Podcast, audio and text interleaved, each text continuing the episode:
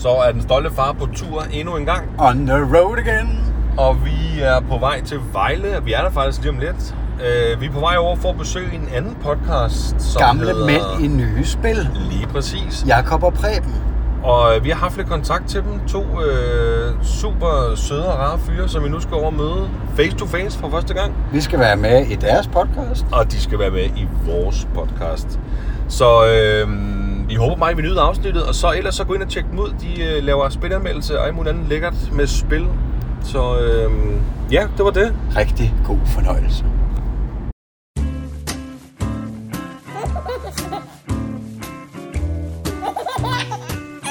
Det stolte far.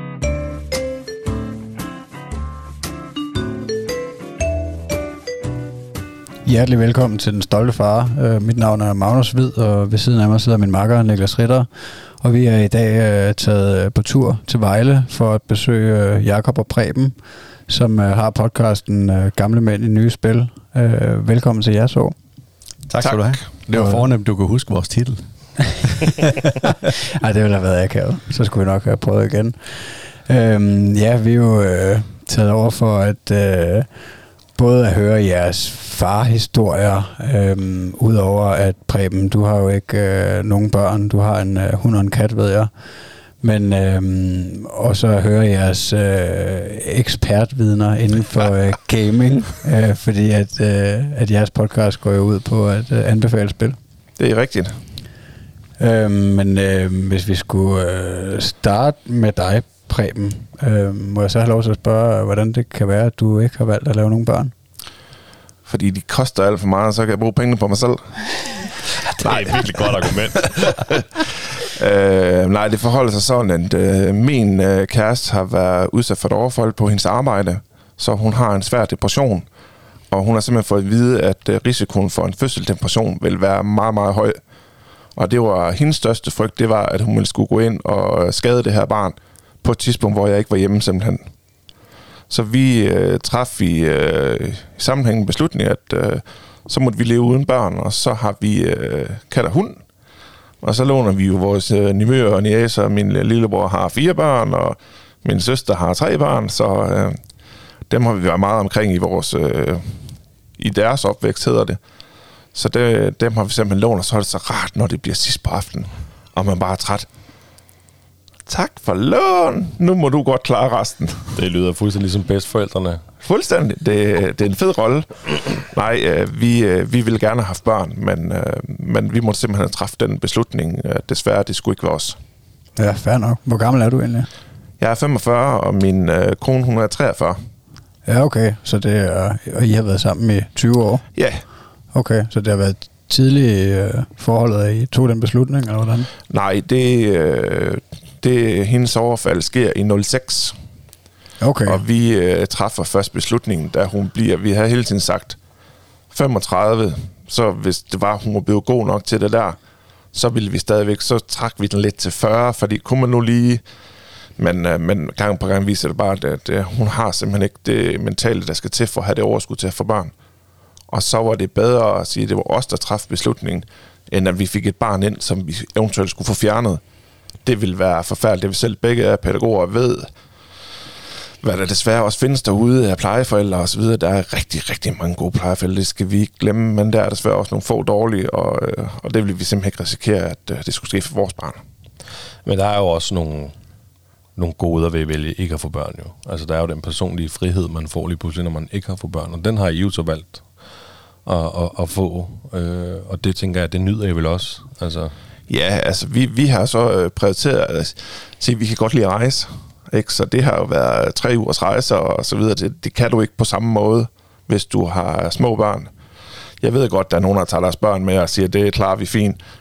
Ah, vi, øh, vi er begge to mennesker, der har behov for meget ro og meget fred, øh, så for os har det været øh, har det simpelthen været en nødvendighed, og derfor har vi ikke børn.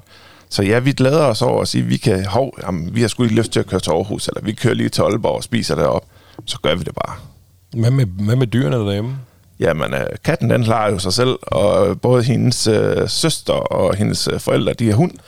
Så det er bare at aflevere os. Jamen, ja, vi tager den gerne, det er ikke noget problem. Klarer katten sig selv i tre uger? Nej, det, det skulle jeg lige til at sige. Det nok det, ikke. nej, det, den, den får lidt hyggepasning for, for mormor og morfar, for nogle venner, vi har, som også selv har kat. Ja, okay, cool. Uh, nu skal vi holde en uh, fantastisk uh, nytårsaften sammen med Jakob og Mette, hvor vi skal op på uh, Munkebjerg Hotel. Så der tager svigermor og svigerfar lige hunden der tre dage der, og så går de lige ud og skifter en bakke ud ved, ved katten, og så, så kan vi nyde at være afsted, uden at vi skal være nervøse for, hvad der sker med dem. Det er perfekt. Jeg tænker, at det er så også nærliggende at spørge Jakob, hvorfor har du, eller hvordan kan det være, at du har valgt at få børn? Ja, hvordan kan det være, at jeg valgte at få børn? Jamen, det gjorde jeg jo egentlig, fordi at øh, min ekskone, som jeg fandt sammen med på det andet tidspunkt, hun havde to børn i forvejen. Så øh, ret hurtigt, så skulle jeg jo finde ud af, om, om det var noget for mig overhovedet, det her med, kunne jeg finde ud af at være far, og så videre. Så, øh, så, så ret, ret tidligt i det, i det forløb, så gik jeg ind og var, øh, var far for, øh, for, min, øh, ja, for Mathias, som kun var spæd.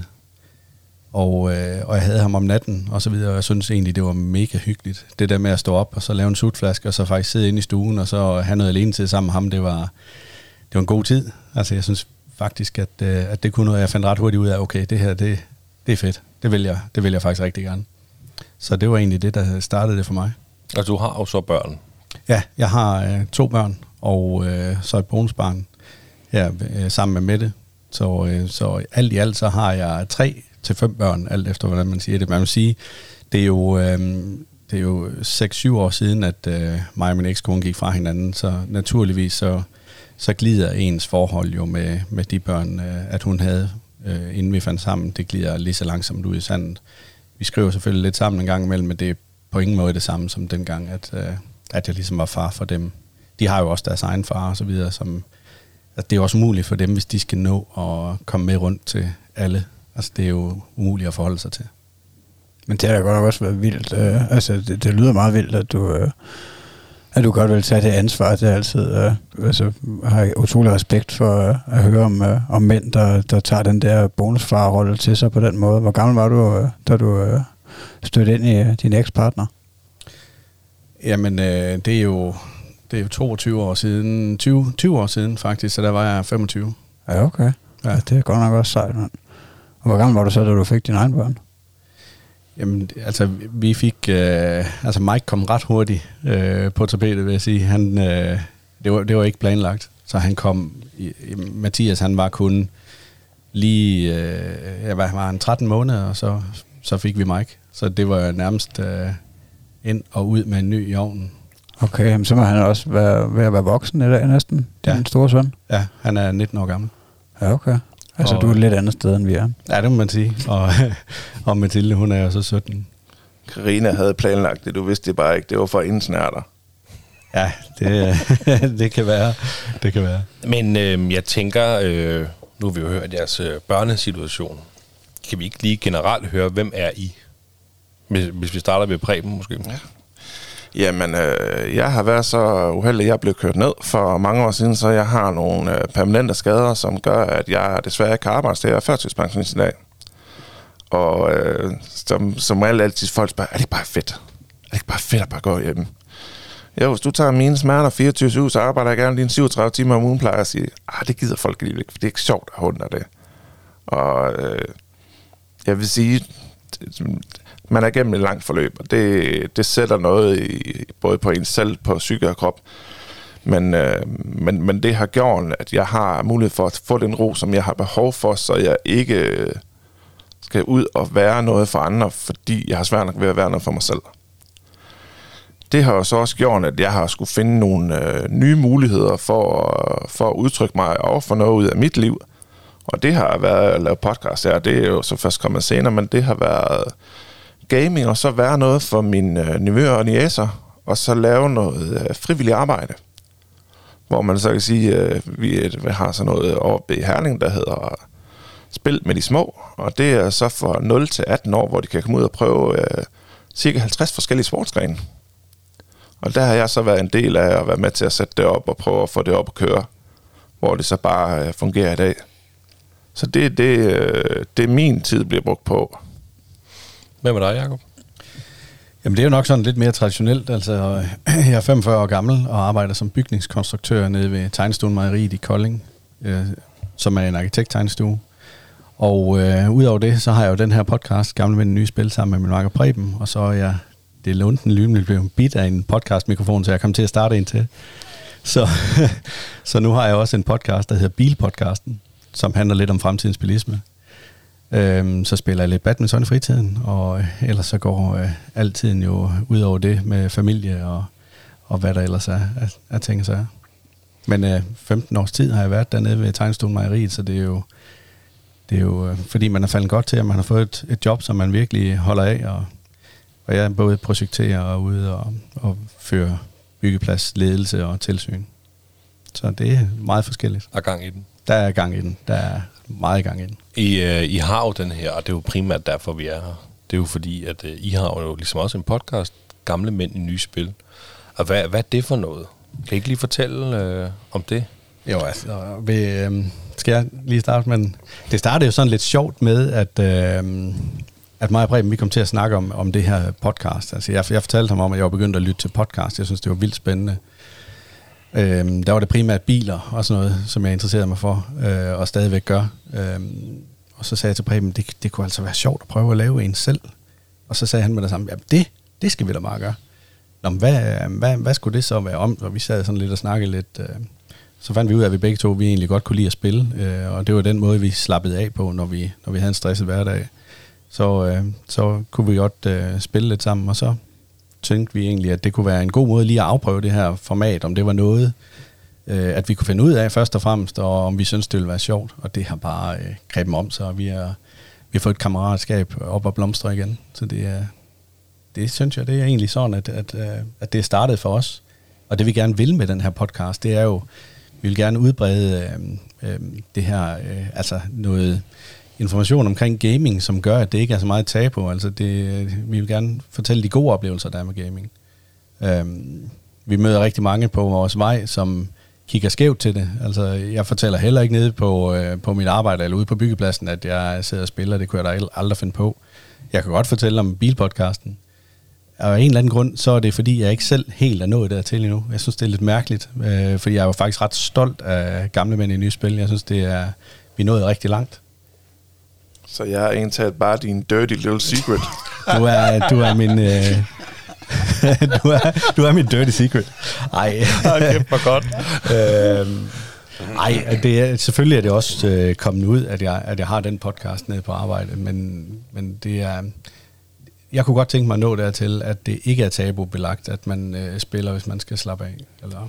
Jamen, det er også ligesom om, at, øh, at det er okay, børn de spiller spil, men ligesom når, ligesom når man er voksen og spiller spil, så er det sådan lidt nørdet, eller man forbinder det måske ikke med, nu er vi jo hos dig, Jacob, et kone og et stort dejligt hus med børn. og sådan, Altså, ja, det, det skal accepteres. Det vil jeg gerne Ja, være med på, det der. ja man, det, det er rigtigt. Man kan godt tænke, hvis man siger gamer, man så tænker en eller anden lonely mand, der sidder og, og lever af chips og Red Bull og et fedtet computerbord, men øh, der er jo mange former for gamere. Jo, og det sjove var, at nu var vi til DXL-land, hvor vi spiller sammen med en uh, masse Xbox-spillere, hvor en, uh, som I kender, Søren, han havde fået en ny kæreste. Så skulle han lige vise, at vi er her, og det der, ja, det er bare sådan nogle giganørder der, der bare sidder der i deres selvlysende stole, og altså, det ved jeg virkelig ikke, om jeg kan bruge min tid på, ikke tænke bare, at manden, han er chef i Bauhaus og er ved at udvikle sig til at blive en af topcheferne. Og så ved du ikke, om du kan acceptere, at han sidder og gamer lidt. Tænker jeg bare, hvad? Hvor er dine prioriteter henne, ikke? Altså, Ja, Det- det, ja, det er meget sjovt. Altså, jeg tænker også, det er meget forskellige personer. Altså nu min, øh, min makker på arbejde, han har faktisk været i et personligt træningsforløb hos en ja, personlig træner, der er gamer også, øh, og som er super fedt, og, øh, og altså, jeg vejleder folk i styrketræning også ved siden af, så jeg tænker, der, der er mange forskellige.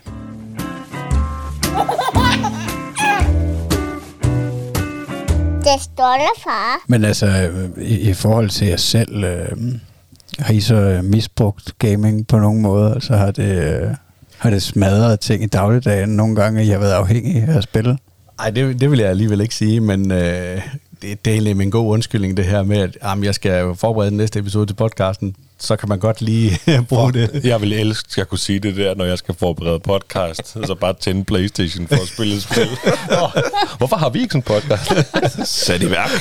I kan blive gæsteanmelder en gang imellem. Ja, for fanden. Men er det hovedsageligt øh, spilanmeldelser, I laver i, i jeres episoder? Nej, det, øh, det, jamen, det er det jo vel, vel egentlig øh, to tredjedel af tiden.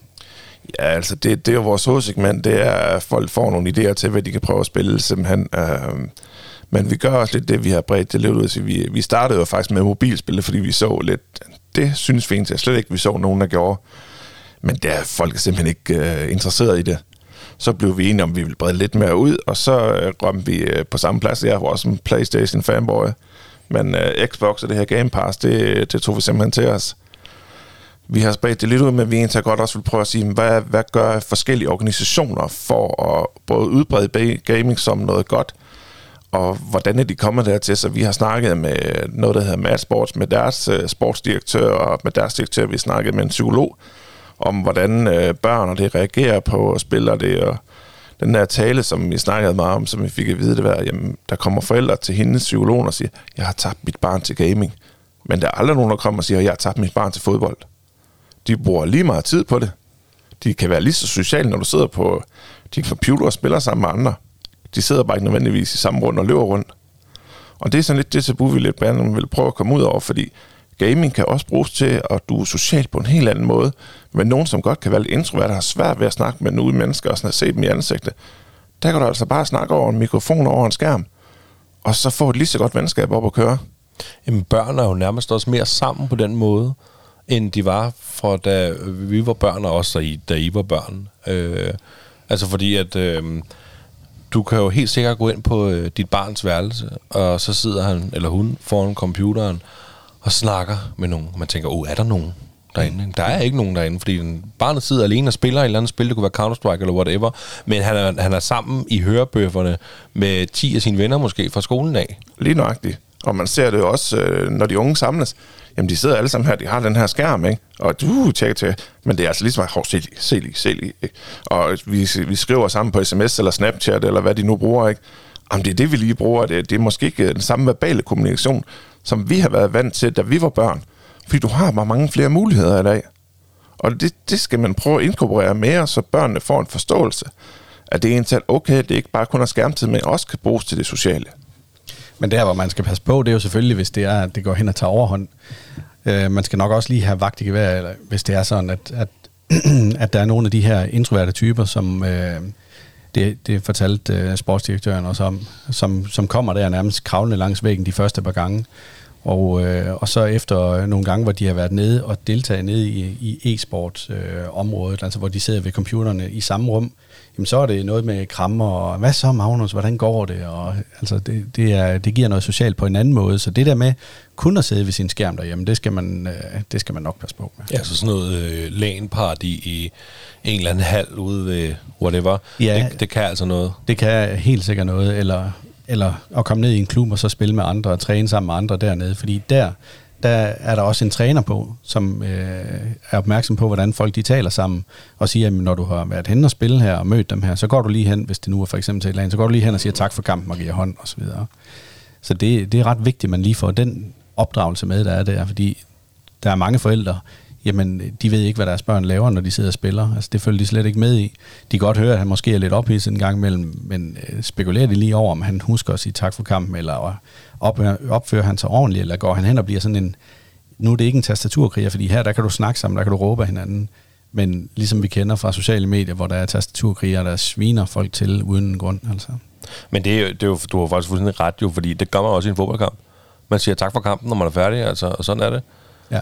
Men det er, altså, det er fandme også, øh, det er noget af en udvikling, spillet har taget, ikke? Altså, du, du sagde det selv lige, ikke? Altså, gå til træning. Altså, Ja. ja. tænk, tænk, man kan det gå til League of Legends, eller Counter-Strike, eller hvad de nu hedder alle sammen, ikke? Ja, det er, Og der er en træner. det er en helt ny verden. Altså, det er bare en verden, vi nok skal acceptere er på vej. Måske også en meget fed verden, faktisk. I hvert fald for, for os, der godt kan lide at spille. Jo. jo, og du skal også huske på, at spil som sådan, jo, det har været der længe, men det er jo faktisk virkelig bredt ud efter 596, når der kom internet til. For så var det med det her, man kunne sidde og spille med andre, du kunne sidde og spille med folk i USA. Altså jeg spiller Call of Duty med en i USA, ikke, som øh, det har var aldrig kommet til at møde den person, hvis det var, jeg ikke havde spillet det her spil. Og det har virkelig bidraget øh, med så mange muligheder.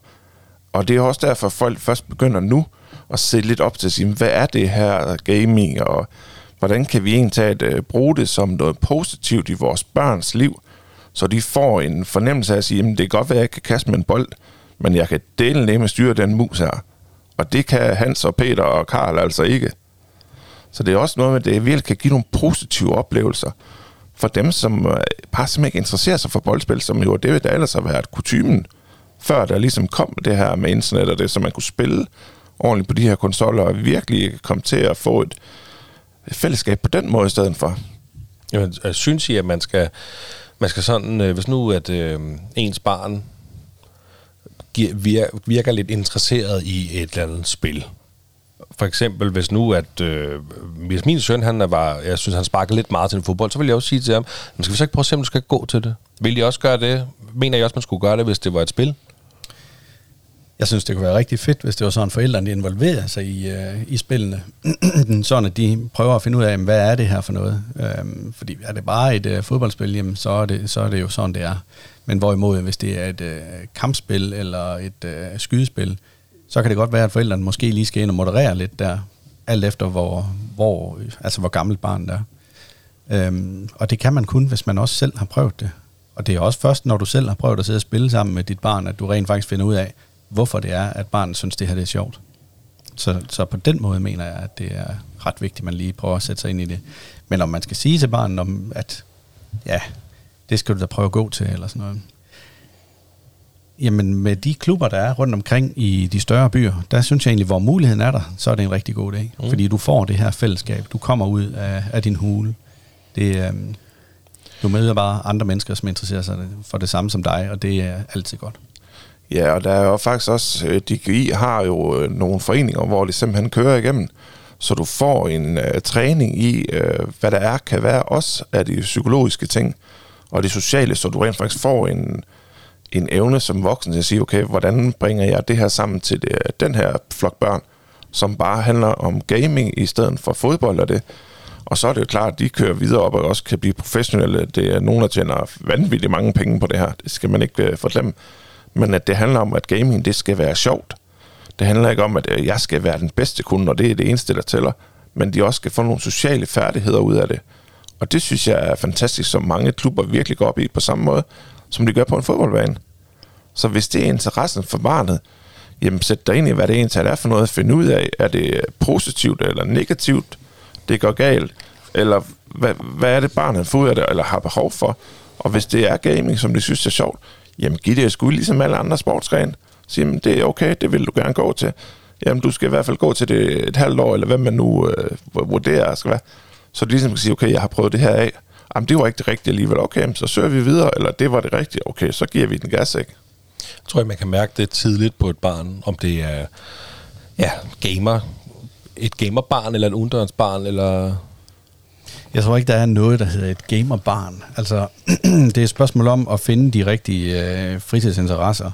Og hvis dit barn godt kan lide at spille nogle spil, men du som forælder måske godt vil have, at barnet kommer mere ud, jamen så må du hjælpe barnet med at afsøge nogle muligheder, som barnet måske ikke selv har fået øje på. Og det kan være alt lige fra øh, undervandsdykning øh, til klatring og, og sådan nogle andre ting, der giver adrenalin. Fordi det der er med spil, det er, at det giver et eller andet adrenalinsus, som du måske ikke nødvendigvis får lige så meget af at spille øh, badminton eller fodbold eller basket, øh, før du har en decideret kamp. Når du sidder og spiller på computeren, så har du, så har du en kamp altid. Altså jeg vil sige, jeg synes godt, at du kan snakke om uh, gamerbarn, min øh, indniveau. Det der med at kaste med en bold, og det han må tage håndbold også. Han gad dårligt nok og sætte sig ud på banen og samle den op, ikke? Men hjem foran hans computer, der fik han noget ro. Der fik han noget forståelse, og han kunne sætte sig ind i det sammen med andre. Det er simpelthen det, han går op i. Så han er begyndt at gå til, til e-sport. Og det er, altså, det har trukket ham lidt mere i en retning af, at okay, man kan godt være social omkring det her. Man kan rent faktisk godt også få nogle venner ved det her. det skal ikke kun være skolevenner og det, men man kan godt også få et bredere fællesskab på den måde. Så jeg synes godt, man kan snakke om, at der er nogen, som simpelthen bare er gamerbørn, og det skal man acceptere som forældre og sige, okay, fint nok, hvordan får vi det her brugt til noget positivt for barnet, i stedet for, at vi skal gå der og være nervøs. Oh, spiller han nu øh, 8 timer om lørdagen? Nej, det er også for meget. Men det er okay, at de barn er ude og spille fodbold 8 timer om lørdagen. Så det er lidt med den der forståelse for forældrenes side også, at der er bare forskellige interesser, og der er gaming altså en del af det i dag.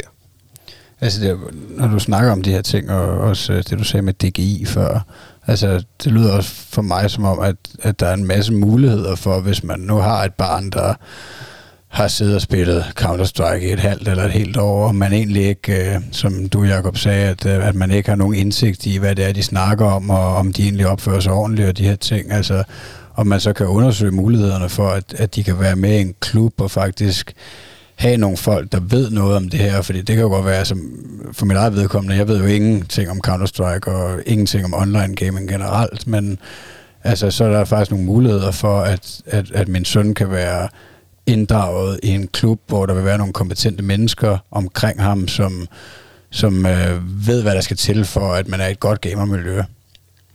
Ja, det er det helt sikkert. Det er, og det er det, som det går meget op i med, at det skal være en forening. Det, er, det skal være velkommen til alle. Men også som der bliver snakket om det der med, at, at det er en kamp, hvor man siger, at vi går tæt i kampen, men vi skal acceptere udslaget, udfald, hvad der kommer bagefter, så kan du godt være sur over, at du har tabt. Men det skal ikke gå ud over dem, du har spillet med, eller dem, du har spillet imod.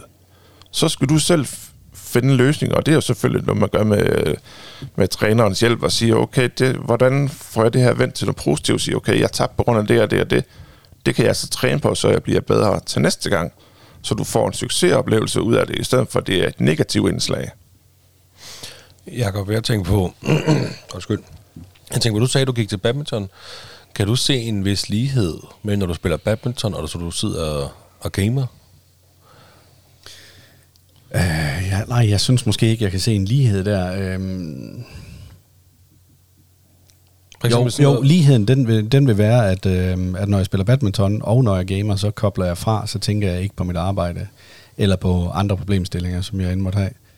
Øh, det må være den største lighed, men, men jeg får, personligt får jeg mere socialt ud af at spille badminton.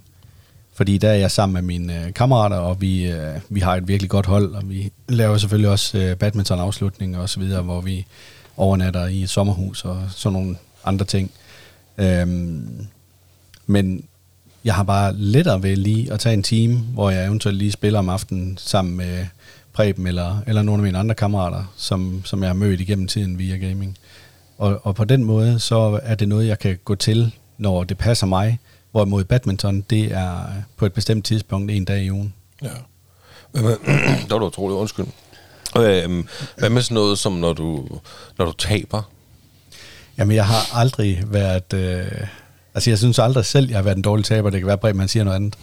Øh, men men jeg, altså, det generer mig ikke ret meget at, at tabe. Jo, hvis jeg taber badmintonkampen en hel aften, så bliver jeg frustreret. Og jeg kan også godt blive frustreret, når, når vi spiller, især når det er sådan, at, at vi... Øh, nu havde vi lige en, en øh, konkurrence der, da vi var afsted til, til lagen her sidste gang, hvor, øh, hvor jeg simpelthen ikke synes, at Preben han skød nok. Men da vi så kiggede på scoren bagefter, så havde vi skudt fuldstændig lige mange. Så det var helt til grin, at jeg sad og brokkede mig over det. Men du er ikke, øh, du er ikke typen, der ødelægger din catcher og ødelægger din øh, controller, når du taber en Nej, nej, det, er, det vil jeg sige, det er jeg ikke. Nej. En gang har jeg smidt med min catcher. Har du smidt på din controller? Nej, Nå, okay. aldrig. Hvad er dyrest? En catcher eller en Nej, controller? det er catcheren faktisk. Nå, okay. Ja. Så. Ah, du skyndte dig meget fint lige at lægge controlleren fra dig så. ligesom et lille uregerligt barn. Ej, jeg var, jeg var ret hurtig til lige at sige, ej, Preben, det må du sgu undskylde. Jeg, jeg blev simpelthen bare frustreret der. Så, øh. men det er igen det der med, det er opdragelsen, ikke? Det blev en positiv oplevelse for mig. Jeg kom helt skinnet ud på den anden side. Hvad vil det sige til, hvis øh, for dit vedkommende øh, dine børn spillede et spil, og for dit vedkommende dine nivøer i Ace for eksempel, hvis I over, eller overvejede dem spille et spil på en controller, og, øh, og det gik helt besagt, fordi det tabte, hvordan vil I håndtere sådan en situation? Så tror jeg simpelthen, at jeg vil blive nødt til at trække øh, mit barn til side, og så tage en øh, alvorlig snak. Jeg vil ikke råbe og skrige og skråle, det hjælper ingenting i min optik. Men jeg vil have en forklaring på, hvorfor at øh, barnet reagerer så voldsomt, sådan at jeg kan prøve på at finde ud af, hvad, hvad det var, der skete. Øhm, men samtidig med, så kender jeg det fra mig selv, hvor, hvor oprørt og fabriligt man kan blive over, over sig selv. Det er jo egentlig sig selv, man bliver irriteret over, fordi man ikke synes, man gør det godt nok. Men det, øh, det vil jeg helt sikkert bare tage en, en åben dialog om. Og så bliver man nødt til at lige at lade barnet køle ned. Der er ingen grund til, at, at de sidder og spiller videre, når, altså når, når man kan mærke, at de er helt oppe i gear. Altså, nu har jeg jo set det med mine øh, nevøer, som godt også skal have noget af det her grimme sprog. Og det, altså, jeg har taget strømmen simpelthen, hvor han kigger mærkeligt på mig. Siger, men prøv at hvad, hvad er det lige, der sker? Hvorfor, hvorfor kommer det der til? Og det her, hvis du gerne vil have, at folk skal snakke ordentligt til dig, så er du også nødt til at gøre det den anden vej. Og det har været øh, lidt svært at forstå, også, øh, også fordi, at det, det er en måde for dem at udtrykke sig på, og det er også fair nok, men du skal behandle folk med den respekt, du gerne selv vil have. Og det er du nødt til at få indprintet i dem så hurtigt som muligt. Så det har været meget vigtigt, når jeg har overværet eller jeg spiller også stadigvæk sammen med, med mine nye og at øh, hvis det går over kamp, jamen så, så er vi lige nødt til at lige at finde ud af, okay, hvad foregår der? Og så ligesom finde en fornuftig løsning på det og gå videre med det derfra. Det er jo faktisk nogle gange sådan, at, at når barnet ikke kan styre sit øh, temperament i forbindelse med et spil, så er det ikke kun fordi, der er noget galt i spillet, så er det fordi, der også er noget galt uden for spillet. Og så kan man nogle gange få en rigtig, rigtig god samtale omkring det. Det er en måde at læse sit barn på også. Jamen, ja, bestemt. Det var da også lige måde, man skulle prøve at huske, når det en dag ender med, at øh, min søn Eddie, han kaster PlayStation 5-trolleren, eller hvis det er en PlayStation 7 på det tidspunkt, eller hvad vi nåede til, ind i fjernsynet. Og lige måske selv kigge ind af, eller i hvert fald spørge ud af, spørge, hvad, er der noget galt i skolen, eller ja. et eller andet? Ja, okay.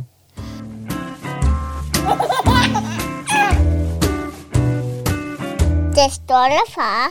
Hvordan er, er tonen generelt øh, både hårdere, føler I? Altså nu ved jeg ikke, nu er I jo lige øh, et par år ældre end os, øh, men sådan i forhold til, jeg ved ikke, om I, I selv øh, gamede, da I var børn, øh, hvor meget der eksisterede der, men så kontra i dag, altså er, der, er, den, er den blevet meget hårdere, når man spiller? Ja, det er den. Øh, men især hvis du er en pige, så er de virkelig efter, hvis der, når pigerne de er gode, så er det simpelthen, der er ikke ord, de, de ikke bliver kaldt fordi at de ikke kan tage, jeg bliver slået af en pige, og bla bla bla. Så der, de andre kan på det modsatte hold sidde ah, du bliver slået af en pige, bla bla bla. Jamen, prøv at høre her. Vi er alle sammen mennesker, der er kvinder, der også er gode til at spille computerspil. Kom nu ind i øh, kampen, og der kan det godt mærke, at det er et mandsdomineret, øh, jamen, mandsdomineret verden, der er inden for gaming. At, der, at pigerne skal virkelig være tykhovedet, især jeg, jeg, jeg oplever det ikke så meget. Øh, nu spiller vi også mest med nogen, der er rimelig voksne. Så der, der har ikke været, øh, været det samme på, øh, på det koncept. Og man havde jo ikke det samme øh, kommunikationsmidler altid, da det kom ud. Så det var mere, at man sad to og to og spillede sammen, og det, der, der var man jo ikke rigtig efter hinanden. Så det er især efter det her online gaming er kommet, der er sproget virkelig blevet værre og værre, det er der slet ingen tvivl om. Det er, det er bare rigtig slemt for de yngre spillere, når man først kommer op i... Øh, jeg, vil, altså, jeg synes faktisk, det begynder at vende øh, i den positive retning fra 15 år op efter. Men klart nok, så er der nogen, der falder uden for kategori. Det er der altid. Øh, vi kommer også til at skal have et interview med en kvindelig gamer, som vi øh, har mødt af, af flere omgange til DXL-lagen som kan fortælle nogle ret vilde historier i forhold til, hvordan at der både er blevet talt til hende, og hvad folk de egentlig mener om øh, kvindelige spillere. Så det, det glæder jeg mig egentlig rigtig meget til. Hvad mener folk om kvindelige spillere?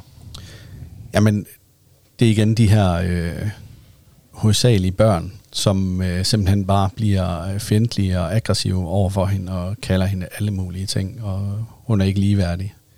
Og det øh, har ingen gang på jorden. Det er, det er helt til krigen. Det er da netop lige præcis i sådan nogle spil, kvinder de kan vise, at de er fuldstændig ligeværdige, og om ikke andet overlegen. Fordi de er jo gemmer sig bag en form for avatar. Jo, jo. Altså i spil, så det er jo...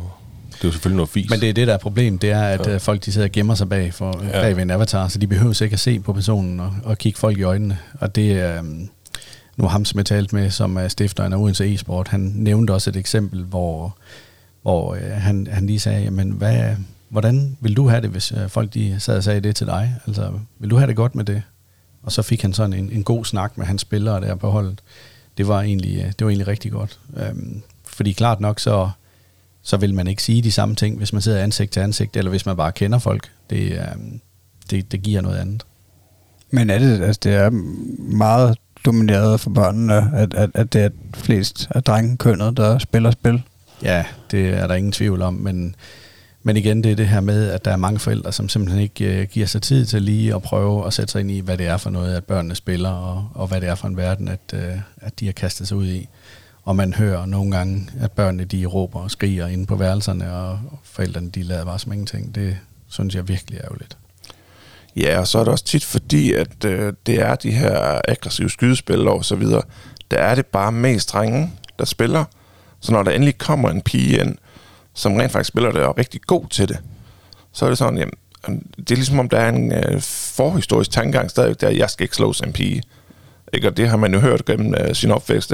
Jamen, øh, Lise kan løbe hurtigere end dig. Ej, det kan hun i hvert fald ikke. ikke? Og, og, og det er lidt det samme koncept med gaming.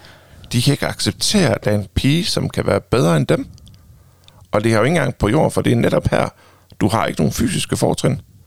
Du har de samme evner, du har de samme muligheder. Der burde man virkelig have en inkludering.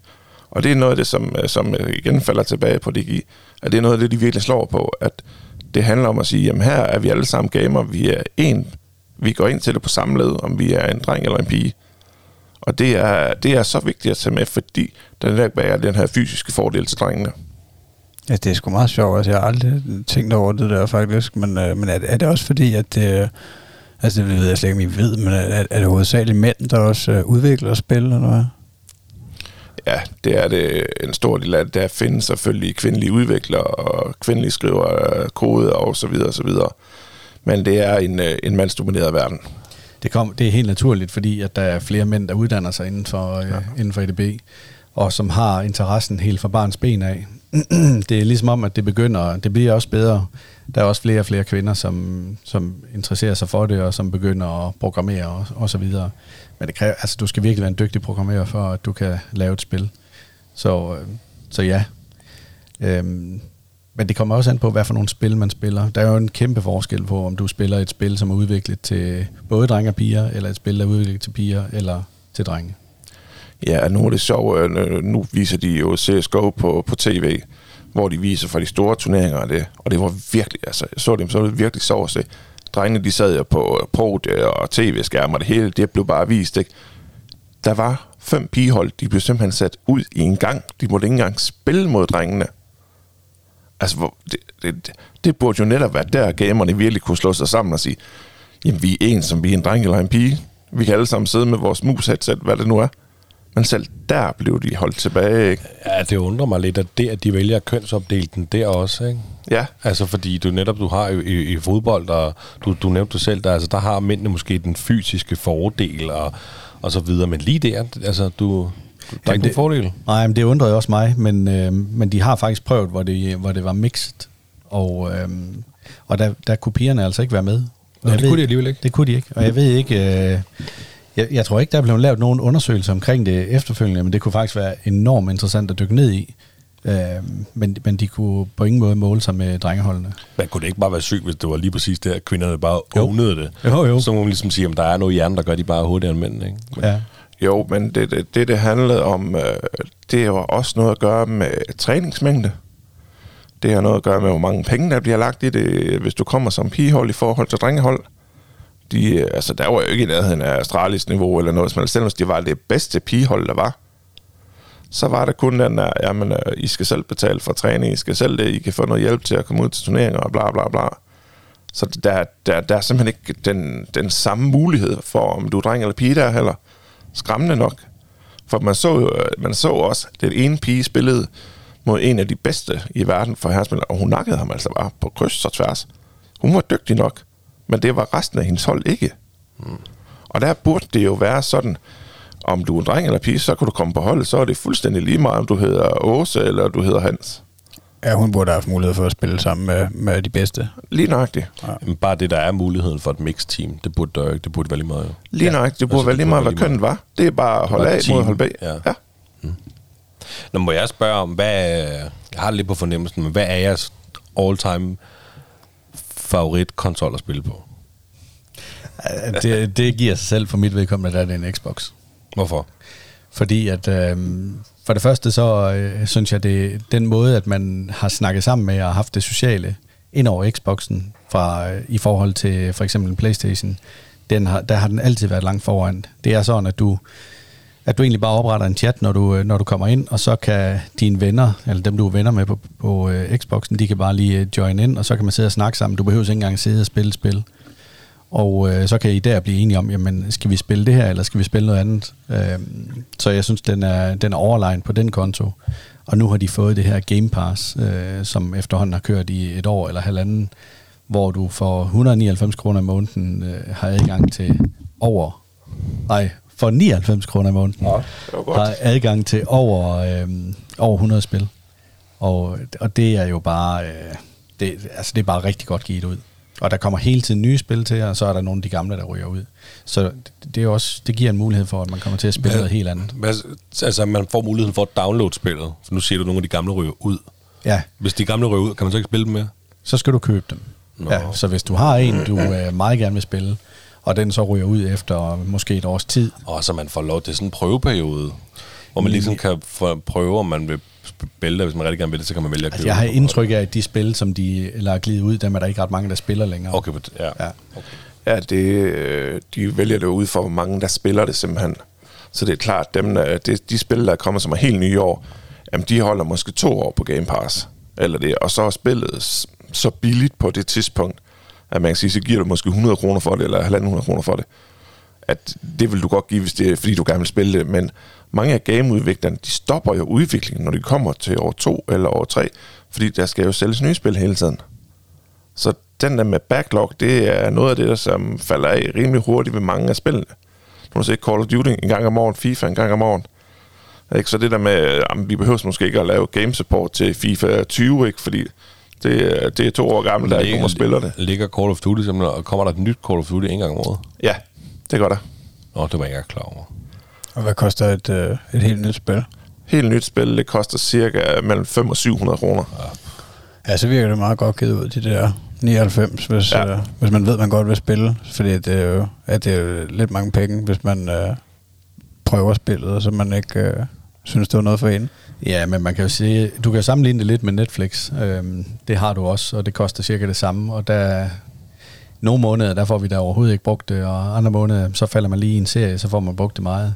Det er lidt det samme med spillene. Altså en gang imellem, så er der lige et spil, som bare fanger dig, og så får du måske spillet, øh, det ved jeg ikke, 12 timer i løbet af den måned, eller 20 timer i løbet af den måned. Så er det jo godt givet ud for 99 kroner, det synes jeg, der er billig underholdning. Og andre måneder, jamen, der er det, så er det jo begrænset. Du kan også have for travlt til at spille, sådan er det jo. Ja, det var også noget af det, som ligesom trak det over mod Xbox. Jeg startede på PC. Det øh, koster kroner at blive ved med at opgradere for at følge med, når der kommer nye spil. Du er nødt til at købe spillet, fordi ellers kan du ikke spille det. Så på Playstation, jamen, øh, det var lidt det samme. Du skulle købe spillet og for at prøve det. Jamen, Xbox, de har bare det her Game Pass, og det rykker bare det hele rundt. Du har mulighed hele tiden. Du, vi kan gå et år i bund og grund, uden at sige, at vi har købt et spil. Ikke? Så har vi købt et enkelt eller to spil, fordi det vil vi bare gerne blive ved med at spille. Men ellers så er der hele tiden noget at spille. Du har hele tiden muligheder. Og der kommer også helt sprit nye titler, ikke? Så, så det har de virkelig sat sig godt på.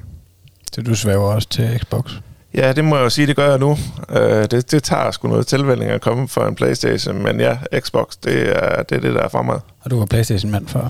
Det var jeg. Nåede du at have en PlayStation 5? Det gjorde du ikke så? Nej, det gør jeg ikke. Jeg hoppede af lige inden. Ja, det er heldigt for dig, for der var ellers eftertragtet. Ja, Var det totalt over, overrated, at den PlayStation 5 den var så over eftertragtet, eller hvad? Nej, det er den stadigvæk. Ja, den er stadigvæk eftertragtet. Ja, den, den er stadig svær at få fat på, faktisk. Ja. Øhm, og det har Xboxen også været længe, og det er jo igen tit Og den var også svær at få fat på. Ja, okay, det var den. Det var altså, vi klar ventede øh, to, to-tre måneder, inden at, øh, det lykkedes for os at få fat i en.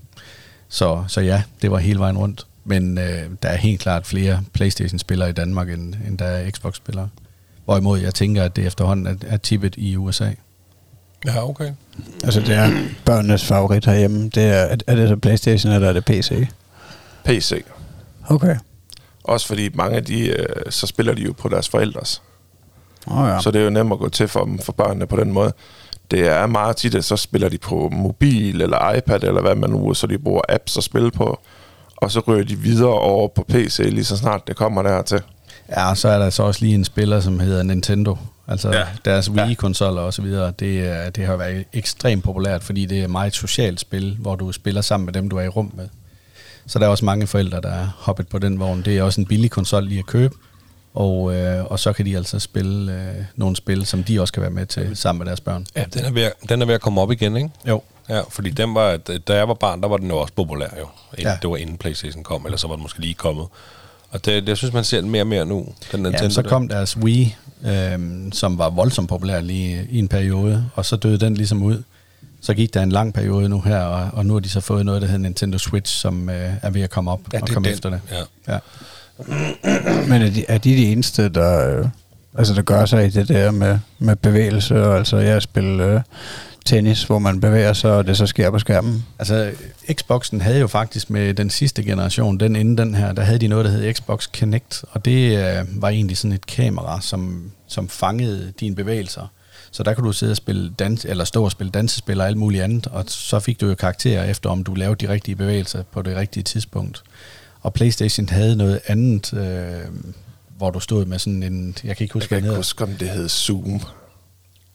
Ja, uanset hvad, så stod du med noget i hænderne, og så er det ligesom det, der var med til at, at, at, at fange dine bevægelser. Og så har der været noget, der hed uh, Guitar Hero, øh, hvor du har en guitar, og så spiller, og, og der var også uh, Band Hero, hvor det så er et helt band, hvor du både havde trommer og guitar og, uh, og en sanger.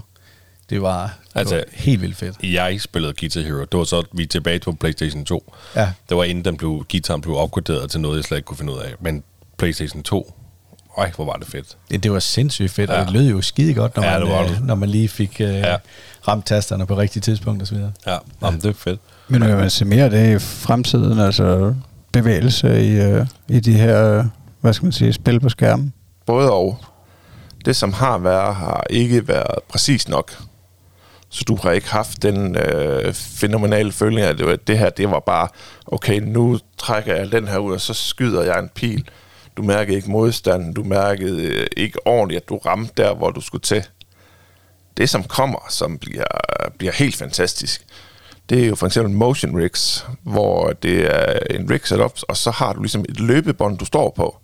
Og der løber du så, eller bevæger dig fra side til side, og det bliver tit kombineret med VR, så du har øh, de her VR-briller, virtual reality, hvor du har en fornemmelse af, at okay, det er så det her, jeg gør, nu står jeg på ski, eller nu skyder jeg, eller noget. Der også kommer, det er haptisk feel, eller tactic feel handsker, så du har helt fornemmelse af, okay, jeg står med et våben, der har nogen, den her tyngde.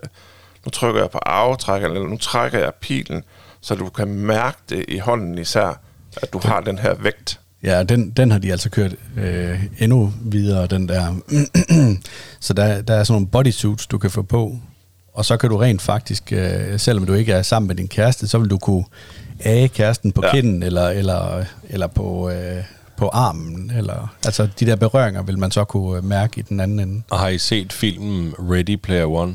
Yes. Jeg har læst bogen. Ja, Jeg har og jeg vidste faktisk ikke, det var en bog. At det lyder meget, som om vi er på vej der, Ja. ja. derhen. Ej, jeg tager, der går lang tid, tror jeg, før de der bodysuits der, de kommer. Men de der motion rigs, de er, øh, de er, er på vej. Øhm, jeg, tror, jeg tror virkelig, jeg bliver smidt ud herfra, hvis jeg skal sådan en til at stå, for det ene sted, den kan stå det i stuen, den fylder så meget. Men det er jo det, vi gerne vil have jo. Det er jo ligesom, altså, for mit vedkommende FIFA, altså, de, de kan ikke gøre det bedre år til år. Altså, det udvikler sig bare overhovedet ikke. Men Nej. den næste udvikling, det er jo på med brillerne, og så er du på fodboldbanen selv. ja. Altså, jeg er ikke sikker på, hvordan det skal foregå, og hvordan de gør det, men, men altså, der er jo ikke nogen udvikling i FIFA længere.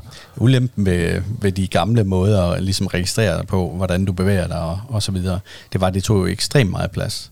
Så du skulle nærmest have 10 gange 10 meter, hvis det skulle fungere bare nogenlunde øh, optimalt. Hvorimod, øh, altså der, der kommer hele tiden noget nyt. Øh, de der briller, der er, som hedder øh, øh, Oc- Oculus, Oculus Rift, Rift. Ja, eller Quest 2, Meta Quest 2, de er, de er ret gode og, og langt foran, og der skal du ikke engang have nogle sensorer. Der kan du simpelthen markere det område, du bevæger dig i, og så, øh, og så er du klar til at spille.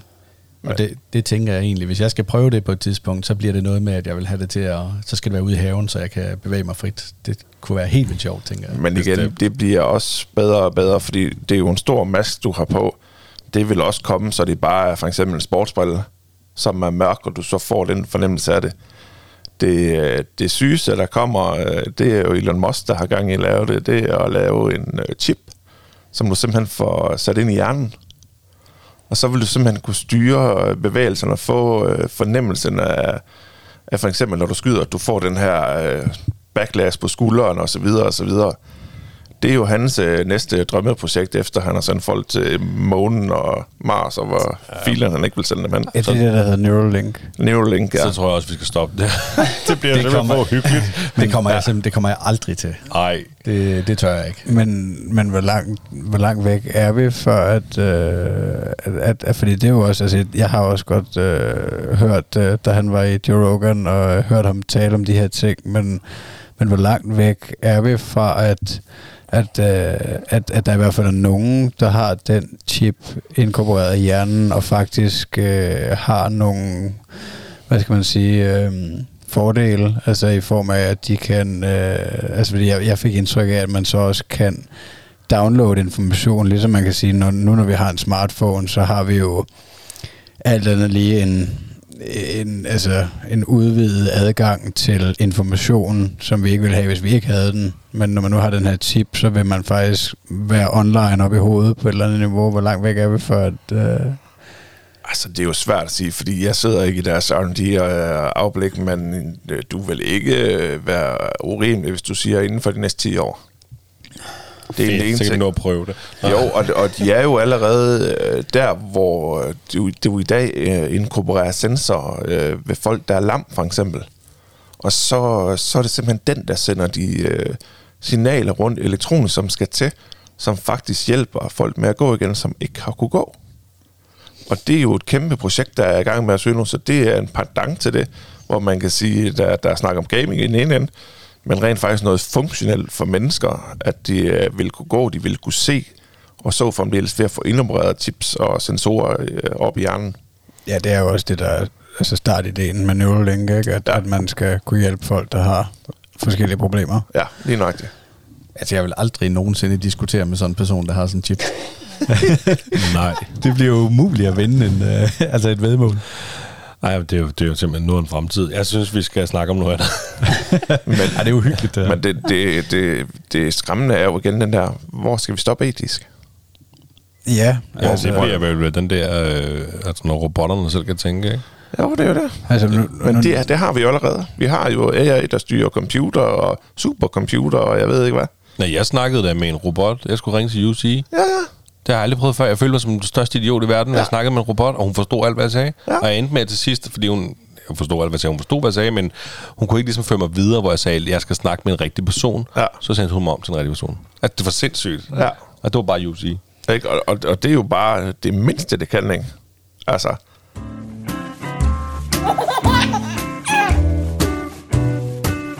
Det stolte far. Hvad, jeg tænkte på, hvad er jeres all-time favorite spil? Uh, Jamen, altså, jeg kan nok ikke nævne et spil, men jeg kan nævne en serie, og det er Battlefield-serien. okay. Den synes jeg er helt fantastisk, fordi der har du en hel masse socialt i, hvor du øh, for eksempel kan hoppe op i en helikopter sammen med din gruppe, og så flyve afsted øh, hen, og så tage det her flag, hvor du nu skal tage det. Og jeg kan godt lide den der frihed, der er med, at du ikke nok med, at du kan samle alle de her forskellige våben ved at opgradere dig efterhånden, som du bliver bedre og bedre til at spille spillet, men du kan også øh, køre i alverdens mulige forskellige køretøjer. Du kan flyve helikopter og fly og sejle i både. Altså det, det synes jeg virkelig er et godt spil. Det er godt løst. ja, når de sådan har styr på opdatering og et halvt år efter, og jeg ved ikke hvad. Preben han er negativ, fordi at, øh, vi skulle prøve en beta-version af, af den nyeste version af det der, og det var ikke et hit. Nå, var Men den, den er blevet god siden. Jeg vil sige, problemet det var, at de lavede med 128 spillere, og det var simpelthen for stort for dem, det kunne de ikke styre. De har lavet 64 nu, det er meget bedre. Men øh, mit favoritspil, det er også en serie, det er Call of Duty. Øh, det er simpelthen fordi, du kan spille øh, på så mange forskellige måder, på så mange forskellige maps, og du arbejder sammen som et team, hvor øh, du kan kommunikere om, hvordan laver vi den her løsning bedst. Det synes jeg altid var fantastisk. Warzone øh, sagde mig ikke rigtig i alverden, øh, og det er simpelthen fordi, jeg ikke er dygtig nok. hvad, hvad med zombies? Ja, altså man kan jo godt spille uh, Zombie Army eller The Undead Zombie og hvad der ellers ikke findes. Nej, men nu tænker jeg faktisk mest på Call of Duty. De har jo lavet den der. De har lavet uh, Zombie, og den, den, kan- den kan også godt noget. Nej, okay. Det kan godt noget. Men jeg, jeg, jeg har det. Jeg kan da huske, at jeg spillede det. Det være en del år siden. Call of Duty 2, eller? Ja. Ej, jeg kan huske det. Men det, hvor vi løb rundt, det var, hvor man løb rundt på Alcatraz. Yes. Og, og faktisk, der var nogle kendte skuespillere, der var... Øhm, der var de her fire personer, man kunne, kunne være med dem, og så ja, skulle man skyde zombier ind, til man døde, faktisk. Ja. Men det har de også stadigvæk i de modernes. Okay. Det findes der jo, de kommer som events. Som nu, det er ikke altid, de, de har det ikke som uh, hele vejen igennem spillet, men der kommer simpelthen events med det, hvor man så både kan køre på, uh, jamen, på mål og også på større baner og mindre baner, så det findes stadigvæk. Ja, der er nok lidt mere til det realistiske. Jeg er ikke så meget til den zombie-del der. Nej. Øh, vi har prøvet det, men, øh, men så var det også det. Til gengæld så synes jeg, at det der rockband, altså hvor man kunne være både guitarist og trommeslager og så videre, det synes jeg er lidt ærgerligt, de ikke er fortsat med det. Øh, for det synes jeg var vildt sjovt. Altså når vi, når vi lige samlede øh, fire gutter der, så der var to, øh, der sang, eller, eller en, en, der spillede bass, en, der spillede guitar, en på trommer, og så en, der sang. Det var så sjovt. Men det kræver, det er også, det er også en koncentration, der de kræver lidt mere, ikke? For du, Jo. det kræver, at du køber trommesættet, det kræver, at du køber guitar og, og de ting der. Ja, ja. Det Ja. ja. bliver lige pludselig en større udskrivning, for at du kan komme i gang med at spille det der. Ja, ja. jeg nåede aldrig at prøve rockband, men jeg spillede Guitar Hero, og det var mega fedt. Mm. Men det er jo også, som vi snakkede om her, ikke? At, at med Game Pass, du får simpelthen så mange muligheder for noget. Vi, et spil, vi aldrig vil ramme en masse indie-spil. Noget, der hedder Spiderhack. Du render rundt som en lille øh, æderkop, og så kan du få bazooka eller lysvær, eller jeg ved ikke hvad. Ikke? Og så var vi bare fire mennesker på sådan en lille mikrobane, ikke? og vi løb bare skraldgrinede, fordi vi sl- slog hinanden på de mest mærkværdige måder, og en bazooka i hovedet, og jeg ved ikke hvad. Det ville vi aldrig komme til at spille, hvis det ikke var på noget, der var gratis øh, spil simpelthen. Og, og det gør, at du behøver ikke at være stor og elaborate for at spille det godt. Ikke? Det fylder 1 gigabyte, Call of Duty fylder 100, ikke? Jamen hvad så med sådan noget, sådan noget Rocket League? Biler og fodbold? Øhm, jeg har ikke... Jeg har, jo, jeg har prøvet det, men jeg, har, jeg er simpelthen for dårlig til det. så det synes jeg slet ikke, det er så sjovt. Altså, jeg prøvede det sammen med min store dreng, og øh, de høvlede mig rundt på den bane der, at jeg kunne overhovedet ikke være med. Så øh, jeg tror generelt, så, øh, så har jeg haft dårlige oplevelser med de spil, hvor de har været bedre end mig. ja, det er klart. men, men hvad har du egentlig, altså, hvad har været dine bedste oplevelser i forhold til at spille med dine børn? Jamen, de var jo så store på et tidspunkt, hvor vi faktisk skulle spille det her Battlefield. Og der var øh, flere runder, altså i, i flere måneder, hvor vi bare kunne dominere banerne, fordi at vi vidste præcis, hvad hinanden gjorde. Så, så vi to var lige en helikopter eller en bil og tog afsted sammen og sådan noget. Det var, det var sindssygt sjovt. Det lyder virkelig fedt også. Jamen, det, det var det også. Det, altså, tre drenge og så mig selv, det var, det var en fantastisk familieoplevelse et eller andet sted, selvom det foregik på en skærm. Og så er vi på hold sammen. Så var vi på hold sammen, ja. Ja, okay. Ja. Ja, så kan Og man så- højst blive uvenner over, hvis den anden gør noget forkert. Jamen, det er jo det. Og når det skulle være rigtig godt, så gjorde vi simpelthen det, at vi, vi rykkede øh, Xboxene ned i køkkenet og satte dem op på køkkenbordet med skærm og det hele. Sådan vi sad i det samme rum, og det var bare så sjovt. De elskede det. Og man skal have sin, hver sin Xbox, eller hvad? Ja, det skal man, ja. Ja, okay. ja. Men det var lidt det samme, som vi snakkede om med Fortnite, at der var Fortnite-konkurrence, ikke? Og der var nogen, de- plejer at vinde mange konkurrencer til her land, og det, var fint nok. Det. Men det der Fortnite, der er stadig bare nogle unger der på mellem 8 og 14 år gamle, ikke? de rykkede bare alle rundt, de byggede bare syv vægge, og syv, der stod de bare deroppe og skød alle folk, altså. Det kan altså virkelig noget, hvor børn også får en uh, succesoplevelse, og siger, kæft, jeg slår en voksen, ikke? Ja, det er meget cool. Altså, så, så der findes, altså, jeg er ikke i tvivl om, at der kommer øh, segmenter i hver alder, hvor der siger, okay, der, det her spil, det kan jeg dominere, for det passer bare til min udvikling. Og vi kan se med sådan noget skydespil, det er, at de yngre, de er altså bare skarpere. Det, det, det, jeg ved ikke, hvad det er, der gør, at Jeg tænker, det er reflekserne. Ja, men lige nøjagtigt, at der, der er et eller andet, der gør, at man bare ikke er lige så skarp, når du bliver ældre. Men derfor nyder vi stadigvæk at spille, og synes, det er sjovt. Selvom vi, men vi vinder jo også stadigvæk, ikke? Og jo, en gang imellem. Jo, jo. Ja, Der bliver længere og længere imellem, vil jeg sige. Ja, Men har du spillet sammen med, øh, med, med dine nevøer? ja det gør jeg stadigvæk. Hvad spiller I så? Jamen, øh, det har været Call of Duty, det har været Battlefield, det har været Rogue Nation, det har været alt muligt mærkeligt, fordi de sidder jo på, øh, han har en Xbox og PC, og han sidder på en PC, så det er lidt også skal finde et spil, som vi kan spille sammen, som er lidt på alle, alle platforme. Men det her, det her snil lykkes, det her bare, det er sgu hyggeligt deroppe. Og man får en anden forhold til sin nevø og næse for mit vedkommende, ved at det er det, fordi man kan snakke med dem uden deres mor til stede. Ja. Ikke? Så, så de, vi kan snakke om nogle andre ting, som vi ikke ville kunne gøre, hvis vi sad til en familiefødselsdag. Men, men så skal jeg forstå, at I, altså, I sidder hver for sig. Ja, fordi min, øh, den ene nevø bor i Aarhus, og den anden bor i Vejle, og jeg bor i Herning. Og så samles vi bare over internettet og øh, laver en gruppe og snakker over der. Altså, jeg så er I headset på og Ja. kan så tale sammen. Ja. ja, det må man sige. Altså, der kan man øh, godt sidde og være fordomsfuld og tænke, at, øh, at folk bruger for meget tid foran skærmen og alt muligt, men, øh, men det åbner alt andet lige, en, som du siger, en mulighed for, at, øh, at man kan have nogle relationer sammen, altså, som man ikke ville have haft ellers. Ja, og det gør, at, at jeg kan følge med i min nevøer, øh, nevøers og jæses liv, uden at det skal være so, social media, det skal være sat op. Jamen her kan vi snakke om, at skolen er træls, og de er nogle røvhuller, og bla bla bla. Det gik ikke så godt med kampen, bla bla bla. Det, det, det vil man ikke få på samme måde, eller den og den er efter mig, jeg synes livet det er træls, og min kæreste er gået fra mig, og bla bla bla. Det sidder du ikke og snakker om til en familiefødselsdag. At de kommer simpelthen op sådan nogle personlige ting, Ja. ja. der slet ikke drejer sig om spillet. Ja, Ja, det sgu meget vildt. Det havde jeg faktisk ikke øh, forestillet mig overhovedet. Altså, fordi jeg kender jo, som sagt, ingenting til øh, online gaming og har aldrig prøvet det. Altså, det, det er en måde for os at mødes på, og jeg stadigvæk kan være en del af deres liv, som jeg ellers ikke ville kunne, hvis vi ikke havde øh, muligheden for at spille sammen. At det er værd at tænke over i hvert fald i forhold til, øh, til fremtiden. Altså, jeg kan jo godt... Øh, nu når vi lige snakket om, øh, om de der Oculus-briller før, og Neuralink og, og de her ting, øh, virtual reality, så kan jeg jo godt blive lidt øh, nervøs for, øh, hvordan det ser ud, når min øh, dreng han er teenager. Fordi det er jo lige netop om, øh, om 10 år. Det kan jeg godt forstå. Øh, altså, bliver det... Altså, altså, bliver det... Vil, vil det hele forsvinde, de her, hvad skal man sige, standardspil på, på både computer og Playstation, og altså, altså vil man, øh, vil man skulle have en brille på, og, og, og, og eventuelt øh, altså, synes, at det er sjovere at være inde i brillen end udenfor? Jeg tror, der går et stykke tid, inden at de når så langt.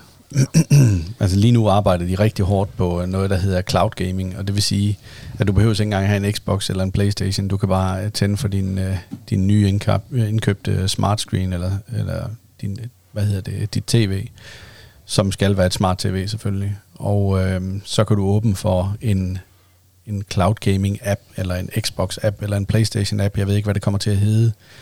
Men i hvert fald så er de efterhånden ved at nå så langt, så, øhm, så der skal ikke mere til en hurtig internetopkobling, og så kan man faktisk spille. Min far, han har en eller anden, er det Xbox, der har lavet den?